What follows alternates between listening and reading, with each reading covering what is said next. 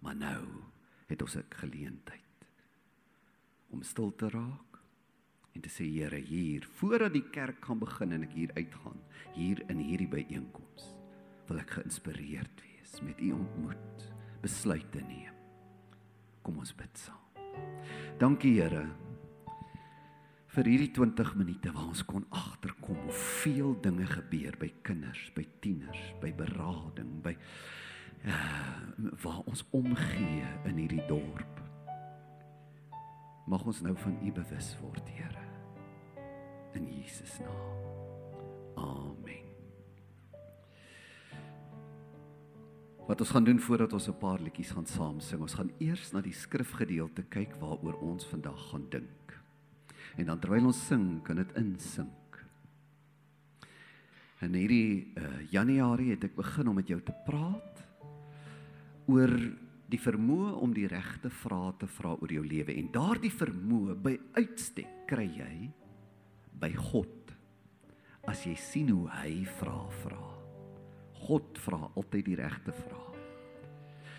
En ons het na 'n paar vrae gekyk in die afgelope paar weke en vandag gaan ons weer so maak en ons vind 'n 'n lewensbelangrike vraag in 'n gedeelte in die Ou Testament daar in Genesis die 16de hoofstuk. So kom ons vat 'n paar minute en lees hierdie verhaal. Na al die jare wat uh Sarai nou met Abraham getroud was, het sy nog geen kinders gehad nie. Soos die gewoonte destyds was. Neem sy toe haar slavin Hagar wat oorspronklik van Egipte as afkomstig was en sê vir Abraham: "Vat Hagar vir jou uh, uh, as 'n vrou. As sy dan kinders het, sal ek hulle beskou as myne, want die Here het my nie toegelaat om kinders te hê nie." Abraham maak toe so Sarai gesê het. Dit was 10 jaar nadat Abraham in Kanaan gaan woon het, dat Sarai haar Egiptiese slavin vir hom gegee het om sy vrou te wees. So het Hagar Abraham se vrou geword. En nie lank daarna nie, was sy swanger. En toe sy sien dat sy swanger is, het sy op Sarai begin neersien. Sarai gaan kla toe by Abraham: "As jy nie iets daaraan kan doen nie, uh, daaraan doen nie, sal dit jou skuld wees dat ek so onreg moet ly. Ek het self hierdie slavin vir jou gegee om jou vrou te wees, maar nou dat sy weet sy is swanger, sien sy op my neer. Die Here sal self oordeel of dit jy of ek is wat verkeerd gedoen het. Maar Abraham sê vir haar: "Kyk, sy's jou slavin en jy het die seggenskap oor haar. Maak met haar soos jy wil." Daarom het Sarai vir Hagar so sleg behandel En die Hebreëse sin speel selfs dat daar kon geweld gewees het. Beledigings. Dit was 'n donker tyd vir haar dat sy weggeloop het. Maar die engel van die Here het vir Hagar gekry. En as jy dit sê, in die Ou Testament is die engel van die Here meestal die verskynsel van die Here. Dis die Here self wat in 'n vorm verskyn. In die Nuwe Testament as jy van 'n engel lees, is dit altyd net 'n engel, 'n hemelse wese. In die Ou Testament meestal die Here self. Maar die engel van die Here het vir Hagar gekry waar sy in die woestyn ingevlug en by 'n fontein op die pad na Sur toe gaan sit het. Hy vra haar toe en hier is die groot vraag van vanoggend. Hagar slavin van Sarai. Waar kom jy vandaan? En waar gaan jy heen? Hoor hierdie vraag. Waar kom jy vandaan en waar gaan jy heen? Ek het weggeloop van my eienares Sarai af, antwoord Hagar. Jy moet teruggaan na haar toe. Ekskuus tog volg die mense op die skerm die skrif of of moet ek aangaan? Goed. Jy moet teruggaan na haar toe sê die engel van die Here. En jy moet jou verneder onder haar hande en aan haar onderdanig wees. Verder het die engel van die Here ook gesê: Ek sal jou so 'n groot nageslag gee dat dit onmoontlik sal wees om hulle te tel. Jy is nou swanger en jy sal 'n seun hê jy moet hom Ismael noem want die Here het gehoor toe jy in jou ellende na hom geroep het. Hagar het besef dit is die Here wat met haar gepraat het en sy noem hom toe die God wat sien. Jahwe, U is El Roi. Want sy het haar afgevra, kan dit waar wees dat ek werklik vir God gesien het en nog lewe? Daarom het die mense daardie put put van Lachai Roi genoem die put van die lewende God wat my sien. So het Hagar vir Abraham 'n seun in die wêreld gebring en Abraham het hom Ismael genoem. Abraham was al 86 jaar oud toe Ismael gebore was en dan ongeveer 17 jaar later uh vir 17 jaar dien Hagar uh, Hagar nou vir is uh, vir Sarai en dan word sy nou swanger en Sarai word nou swanger en dan sy 'n kind En as die kind gespeen is, hou hulle 'n fees en dan sien Sarai hoe Ismael haar seun Isak terg. Kom ons lees nou verder. Die baba het mooi gegroei, dis nou ehm um, Isak. En toe hy later gespeen is, het Abraham 'n fees vir hom gehou om dit te vier, maar Sarai het gesien hoe Ismael, die seun van Abraham en Hagar, die Egiptiese slavin vir Isak spot. Sy sê toe vir Abraham: "Jy moet daardie slavin en haar kind nou wegjaag. Die kind van 'n slavin kan tog nie saam met my seun Isak erf nie. Abraham was natuurlik baie ongelukkig hieroor want Ismael was toe tog ook sy seun, maar God het vir Abraham gesê jy moenie sleg voel oor jou slavin en die seun nie. Doen wat Sara vir jou sê want dit is deur Isak wat jy die nageslag sal hê wat ek beloof het. Ek sal die nageslag van die slavin se kind ook 'n groot nasie maak omdat hy jou seun is. Die volgende môre het Abraham toe opgestaan en vir Hagar kos en 'n fles met water in 'n bladsak gepak en Ismael op haar rug getel. So het hy haar dan weggestuur. Maar in die Berseba woestyn het sy verdwaal. Toe die water in die watersak later op was, het sy die kind onder 'n bos laat lê. Sy self het 'n end daarvandaan gaan sit omtrent 100 meter ver, want sy wou liewer nie sien hoe haar kind sterf nie. Daar eenkant het sy in trane uitgebars en hardop gehuil, maar God het gehoor hoe die seun kerm. Toe praat die engel van God uit die hemel uit met Hagar. Wat makeer Hagar? Moenie bang wees nie. God het jou kind se stem gehoor waar hy daar onder die bos lê. Gaan terug na jou kind toe en tel hom op. Jy moet moed hou want ek sal hom nog so baie afstammelinge gee dat hulle 'n groot volk sal wees. Toe maak God haar oë oop en sy sien 'n waterput, sy hart loop soontoe en maak die watersak vol en laat haar kind drink. God het Ismael verder gehelp sodat hy in die Paran woestyn opgegroei het en geleer het om baie goed met 'n pyl en boog te skiet. Sy ma het later ook vir hom 'n Egiptiese vrou gekry om mee te trou.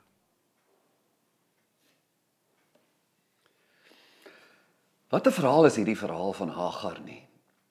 Uh en al die verhale in die Bybel is nie sommer net daar as 'n stuk geskiedenis om van kennis te neem nie. Dis eintlik verhale in mense se lewe wat vir ons wys hoe God met hulle pad geloop het. Dis verhale waarin ons eintlik ons eie lewensverhaal kan sien.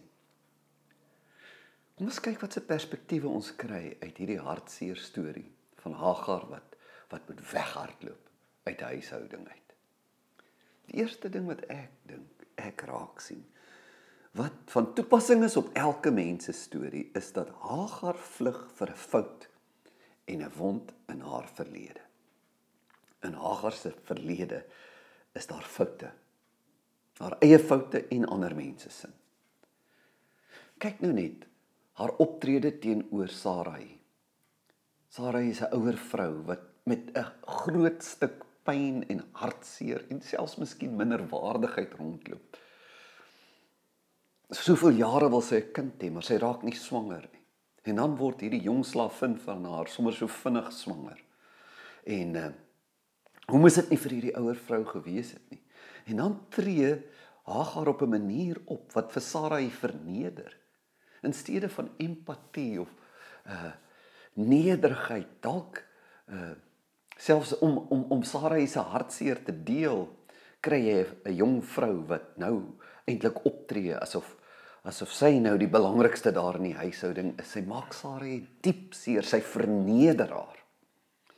Sarah self maak ook foute. Sy's 'n ouer vrou. Sy behoort van beter te weet as om so teenoor 'n jong onervare uh meisie eintlik op te tree. Sy behoort haar reg te help, maar sy raak woedend.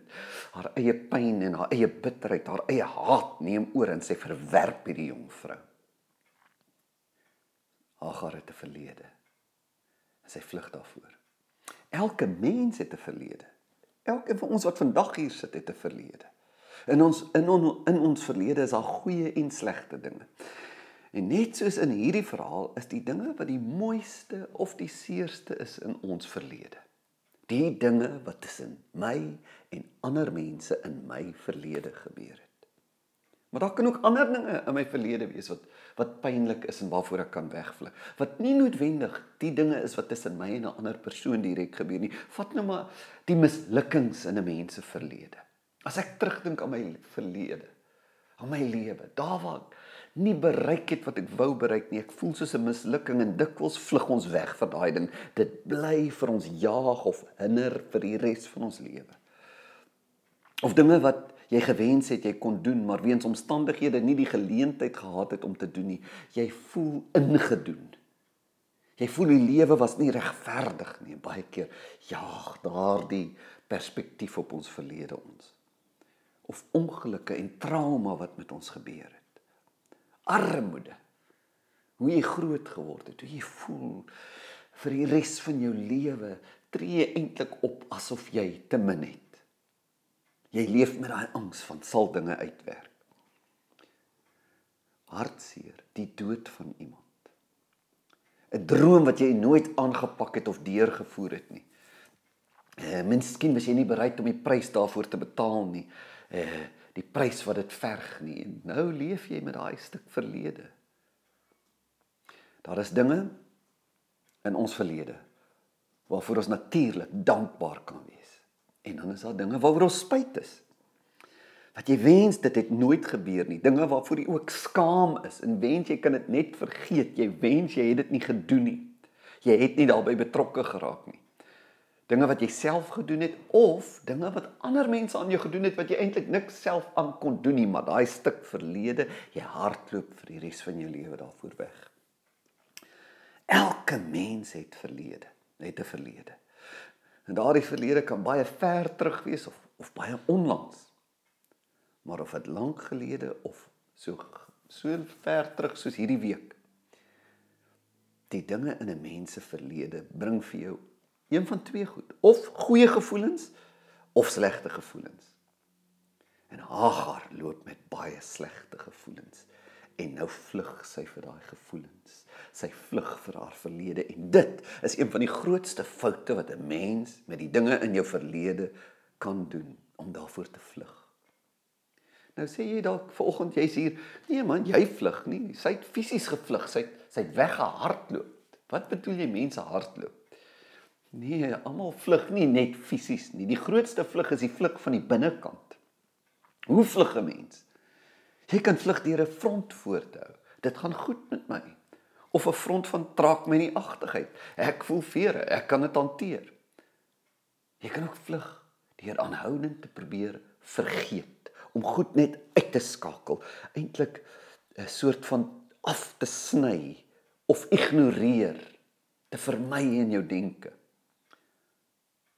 Of deur te dink of te hoop die hartseer of selfverwyd of woede of haat of skuldgevoelens of vrees en angs sal maar net van self met tyd weggaan. Dis vlug. Deur self te probeer deel met jou emosies en met niemand te praat nie is ook 'n manier om te vlug. Maar die slegste vlug is om toe te laat dat jou verlede jou laat twyfel in God. As hy bestaan, hoe kon hy toegelaat het dat dit met my gebeur. Jy vlug vir die idee dat daar 'n goeie God kan wees. Of as jy nie twyfel in God nie, vlug jy deur nie 'n verhouding met hom te wil hê nie. Jy bly eintlik weg van hom af. Jy ignoreer geloof of jy vermy dit. Juis omdat jy weet jy sal moet deel met die dinge in jou lewe as jy regtig na God toe wil kom. En so al weet jy daar's 'n God, vermy jy kerk, jy vermy uh geloof. En sin as jy heimlik kwaad vir God of bang vir God of kwaad vir die kerk of vir leiers of vir jou ouers of 'n onderwyser. Hagar vlug soos elke mens soms doen. Ons vlug van die dinge wat in ons onlangse of verre verlede lê want dit voel te erg om daarmee te probeer deel. Ek hoop nie jy is besig om vir iets te vlug nie, maar as jy is, is jy vanoggend op die regte plek.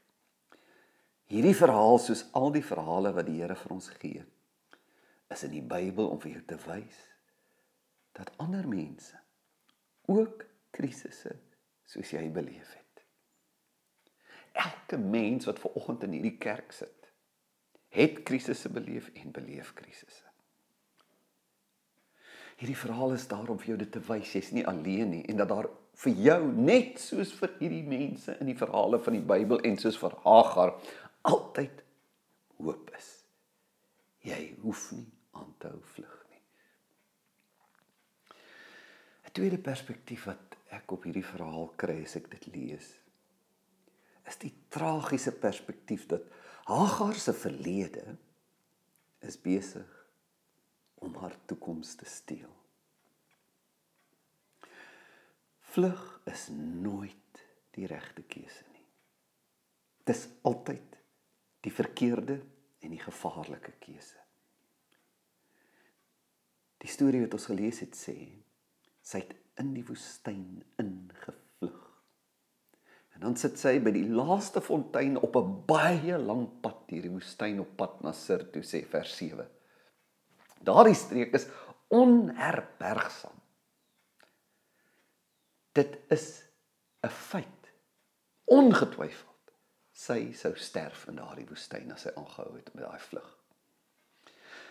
En daarom sê ek sy was besig om haar verlede toe te laat om haar toekoms weg te gooi, te steel. Omdat sy besig was om te vlug van haar verlede. Ek sê vlug is nooit die regte keuse nie. Vlug maak altyd dood en dan verskyn die engel van die Here aan haar. Nou in die Ou Testament, meeste kere as daar as dit sê die engel van die Here het verskyn, is dit die Here self, die verskyning van die Here. In die Nuwe Testament is dit altyd 'n engel. Nou verskyn die Here en hy vra 'n vraag. Natuurlik as die Here self 'n vraag vir 'n mens vra, kan dit tog nie wees dat hy sê, "Ooh, ek wonder wat gaan aan. Ek het nie 'n idee nie. Laat ek hierdie mens vra nie." Nee, dis mos nou nie asof die Here verskyn sê, "Ooh, hier is Hagar. Kyk, hier sit sy by die put. Ek wonder waar hy ingaan. Sy kom ons vra haar nie." Nee, nee, nee. Hy weet presies wat aangaan. Die vraag wat hy vra, "Waar kom jy vandaan?" en waar gaan jy heen? Is dat sy daaroor moet dink. Dis nie ter wille van sy inligting, God se inligting nie, maar om haar tot stilstand te bring en te laat dink oor haar lewe en miskien vandag kan dit ook vir ons tot stilstand bring. Kom ons kyk na die vraag. Die eerste deel daarvan. Waar kom jy vandaan? Dis 'n vraag wat die Here vir elke mens vra. In elke ongelukkigheid. Elke verhoudingskrisis. Of in enige situasie waar jy jouself of iemand anders verwyd vir iets wat in die verlede gebeur het, is dit die vraag wat die Here vir jou vra. Waar kom jy vandaan?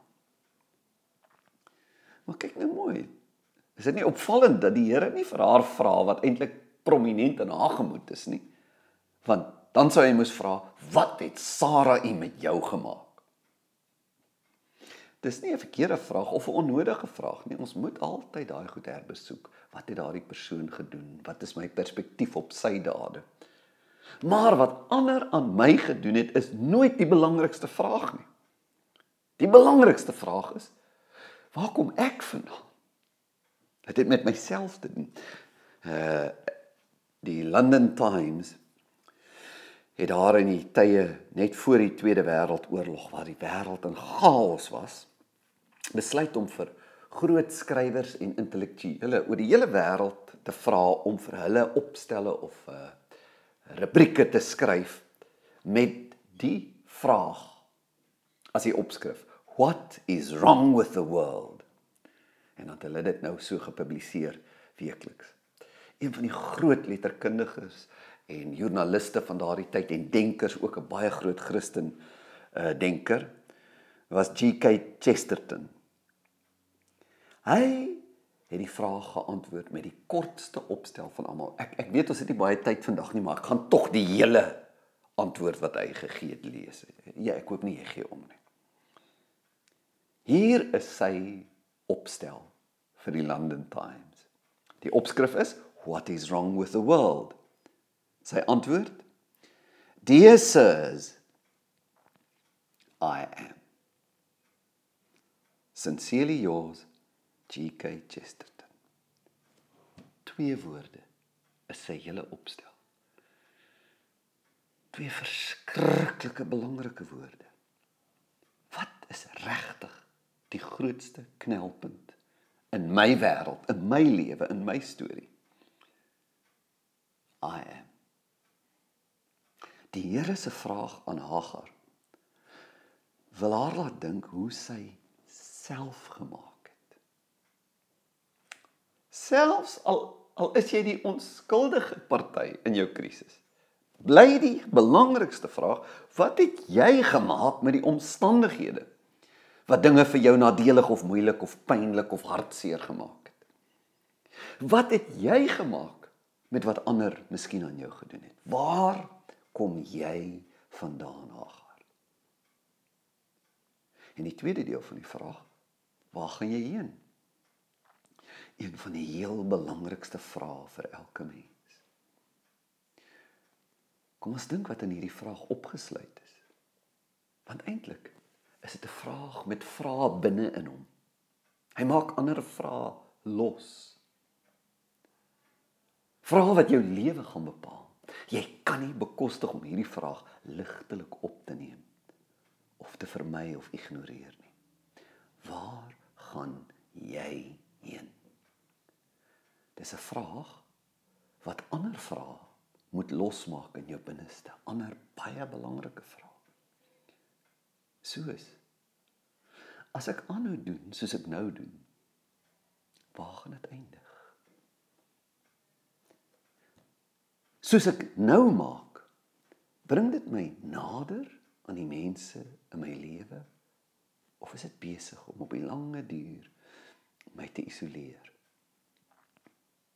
Maak dit my 'n egte mens, autentiek, deursigtig? Of begin ek al meer 'n front voorhou? Los dit my probleme op? Of kan soos ek nou maak nie dalk na groter probleme lei? En as ek so aanhou my eie pad loop, waar gaan ek uiteindelik heen met my lewe? Die een lewe wat ek het. Miskien kan hierdie vraag ook hierdie vraag losmaak. Is hoe ek nou lewe besig om vir my groter vrede en vreugde te bring of raak die skaduwees net al hoe donkerder? Ander vraag wat hierdie vraag losmaak. Wat is besig om te gebeur in my liggaam soos ek nou leef? Wat is besig om te gebeur in my gemoed? My geloof, my verhoudings, my gedagtes, Waarvan raak dit al hoe voller? My gewoontes. My hoop sien ek al hoe meer uit. Raak die lewe van my mooier? Nooi die toekoms my uit of bedreig dit my? En natuurlik die vraag. Dat jy groot dwaas is as jy hom vir my. Wat van die dood? Sou ek op die laaste dag van my lewe bly wees? oor die keuses wat ek nou maak. Wat die Here hier vir Hagar vra, vra hy vir elke mens. Waar kom jy vandaan? En waar gaan jy heen? Ek hoop jy dink daaraan vandag. Vir die afgelope paar jaar het ek gesien hoe iemand baie naby aan my worstel met hierdie vraag. En hy het ingestem om vandag oor sy pad te praat. Aanhou baie dankie. Ja toe ons in hierdie week oor hierdie boodskap gepraat het en ook met ons tyd van toewyding by die personeel, die skrifgedeelte waaroor ek daar gepraat het. Ehm um, het jy vir my gesê dit is so van toepassing op op jou lewe. Uh, Anu, wat is daardie wond in jou verlede? Koos wat meeste van die dinge in my kinderjare betref het ek 'n baie goeie lewe gehad goeie ouers wat kerkmense was met goeie waardes. Maar ek was ook seksueel gemolesteer vanaf omtrent die ouderdom van 5 of 6 tot so ongeveer 10 of 11.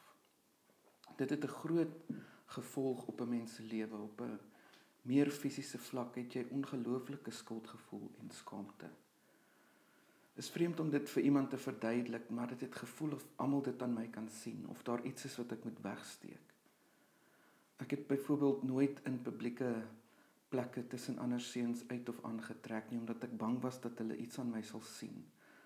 Gevolglik het ek nooit aan sport deelgeneem nie en ek het grootendeels kontak met seuns of mans vermy en my verhoudings met manspersone het baie skade gelei. Op 'n meer emosionele vlak is daar totale verwarring. 'n Mens se mees private grense word oorskry en so vind die normale vorming en neerlê van grense nie plaas nie.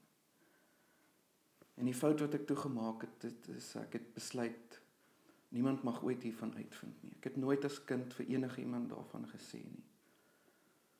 Maar omdat 'n kind nie die vermoë het om sulke traumatiese emosies op so jong ouderdom te hanteer nie, word die emosies net eenvoudig eenkant toe geskuif. En daar bly dit lê wat nie 'n goeie ding is nie.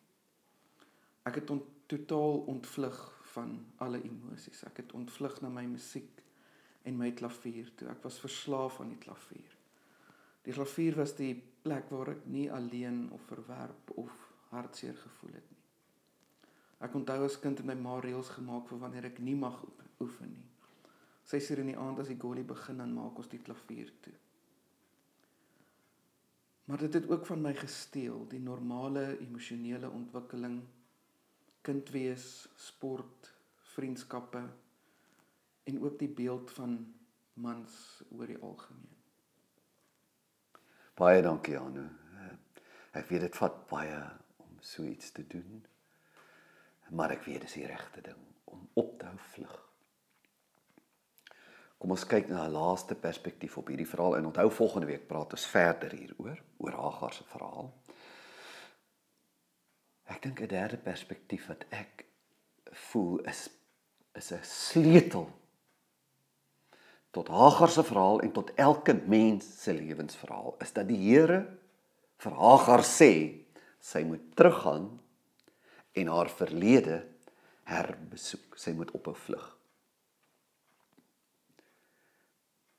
Die engel van die Here sê vir haar: Jy moet teruggaan na Sarai toe.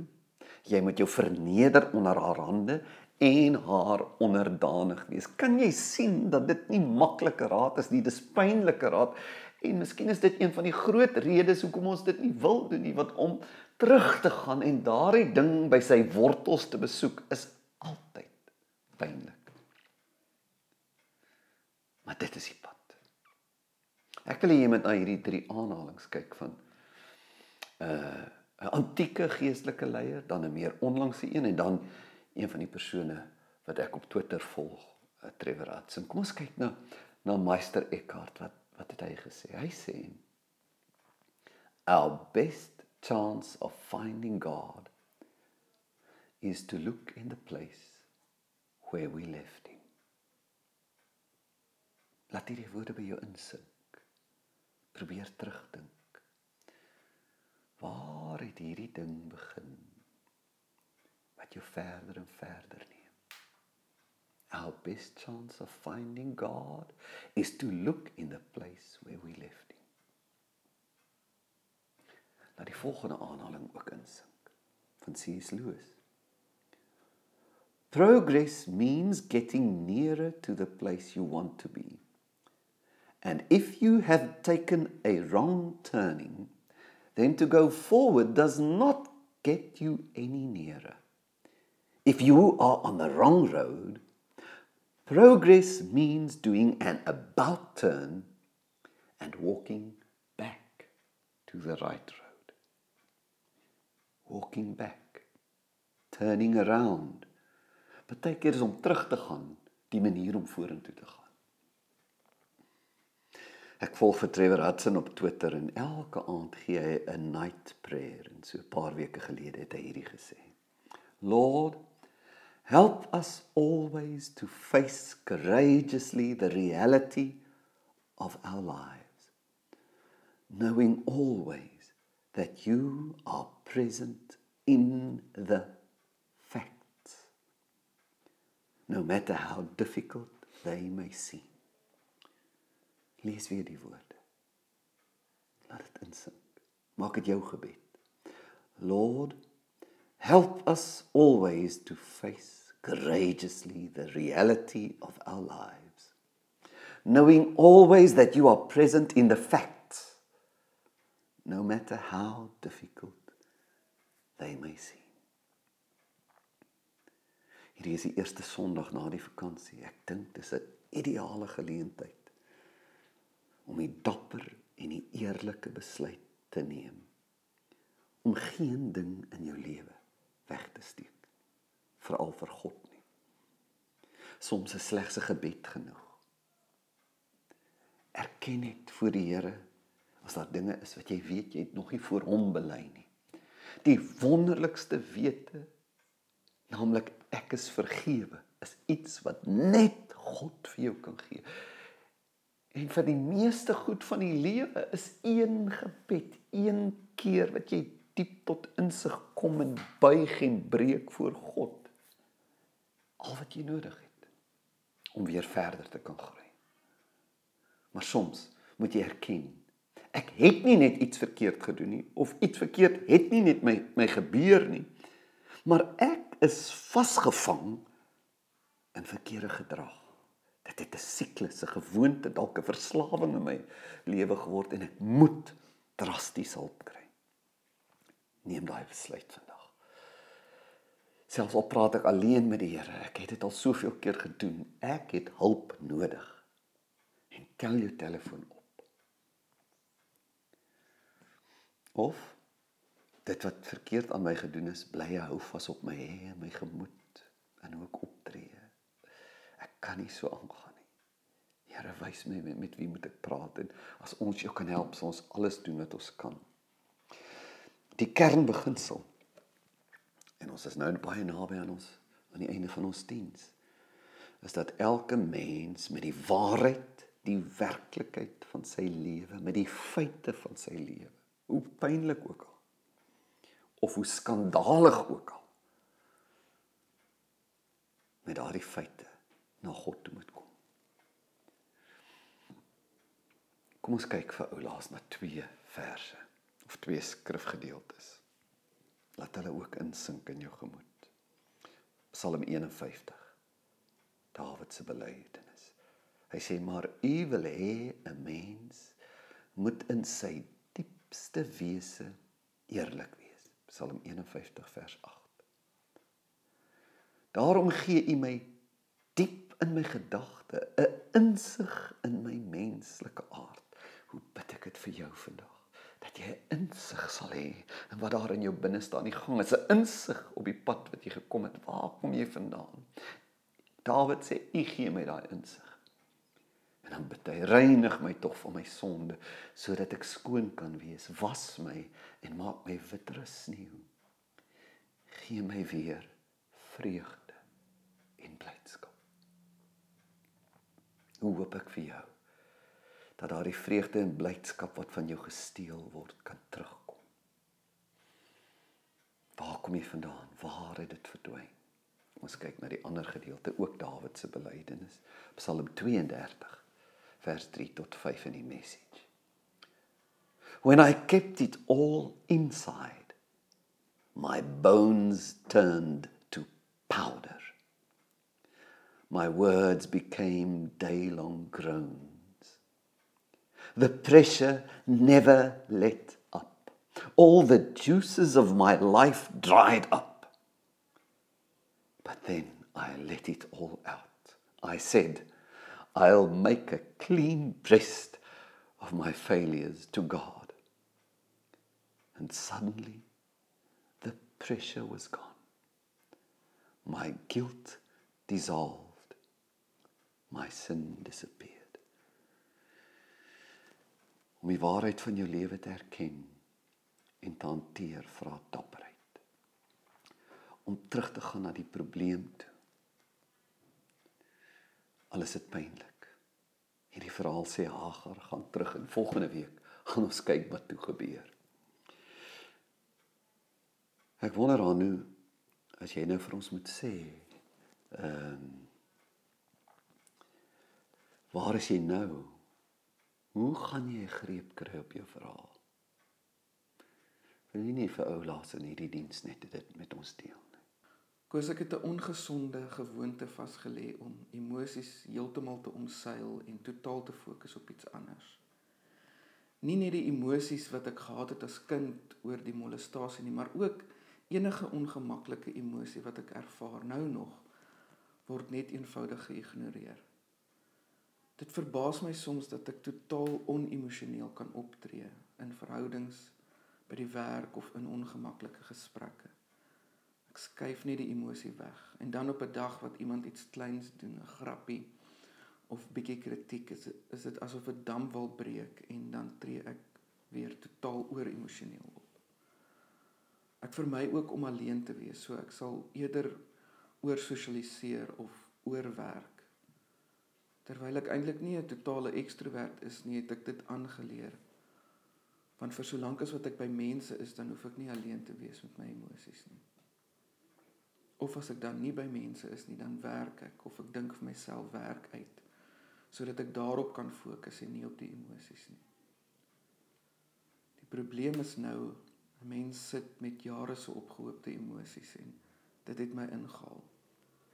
Ek voel tans oorweldig met klomp emosies. Ek het in die 3 jaar ehm um, die afgelope 3 jaar as sielkundige gesien. En ek het ook in die afgelope 2 jaar die narratiewe kursus gedoen. En ek het besef hoe groot probleem ek vir myself oor jare geskep het, nie deur nie te praat nie, deur nie hulp te kry nie en deur aanhou vlug van emosies. En terwyl ek nou doen wat ek nou doen, gaan ek nie hierdie siklus kan breek nie. Ek het nie die emosionele kapasiteit om beskikbaar te wees vir mense soos wat dit in die bediening of in die voltydse bediening nodig is nie en terselfdertyd myself te help nie. En dit het my in die afgelope 3 maande voor 'n baie moeilike besluit gebring. Ek sal vir eers die voltydse bediening moet los en bedank en my volle emosionele energie spandeer om te werk deur hierdie emosies wat vir jare opgebou het en om 'n gesond word proses te begin. Baie dankie Anu en ons sal betrokke wees daarbey Anu se pad. Ons is vriende, ons bly vriende. As ek 'n mentorskaprol kan speel in sy lewe, ek glo Anu die Here het vir jou 'n wonderlike toekoms. En vir elkeen wat vandag hier is, wat na die boodskap geluister het dalk op die internet, mag jy diep omgaan met hierdie vraag. Waar kom jy vandaan? En waar gaan jy heen? Die Here kan ons help dat ons verlede nie ons toekoms steel nie. Kom ons bid saam. Dankie Here dat U ook hierdie vraag vir elkeen van ons vra.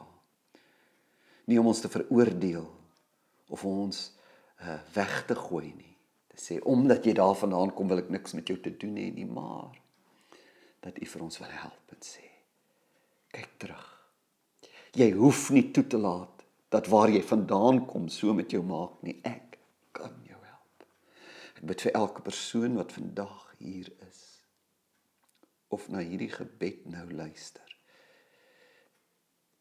dat ons verlede nie meer soos 'n drakoniese mag ons toekoms van ons steel nie.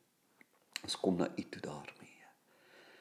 Dankie dat U vir Hagar 'n toekoms gegee het vir elkeen van ons. Seën ook vir Hanu. Uh en hoe hy maak met hierdie vraag in Jesus naam. Amen.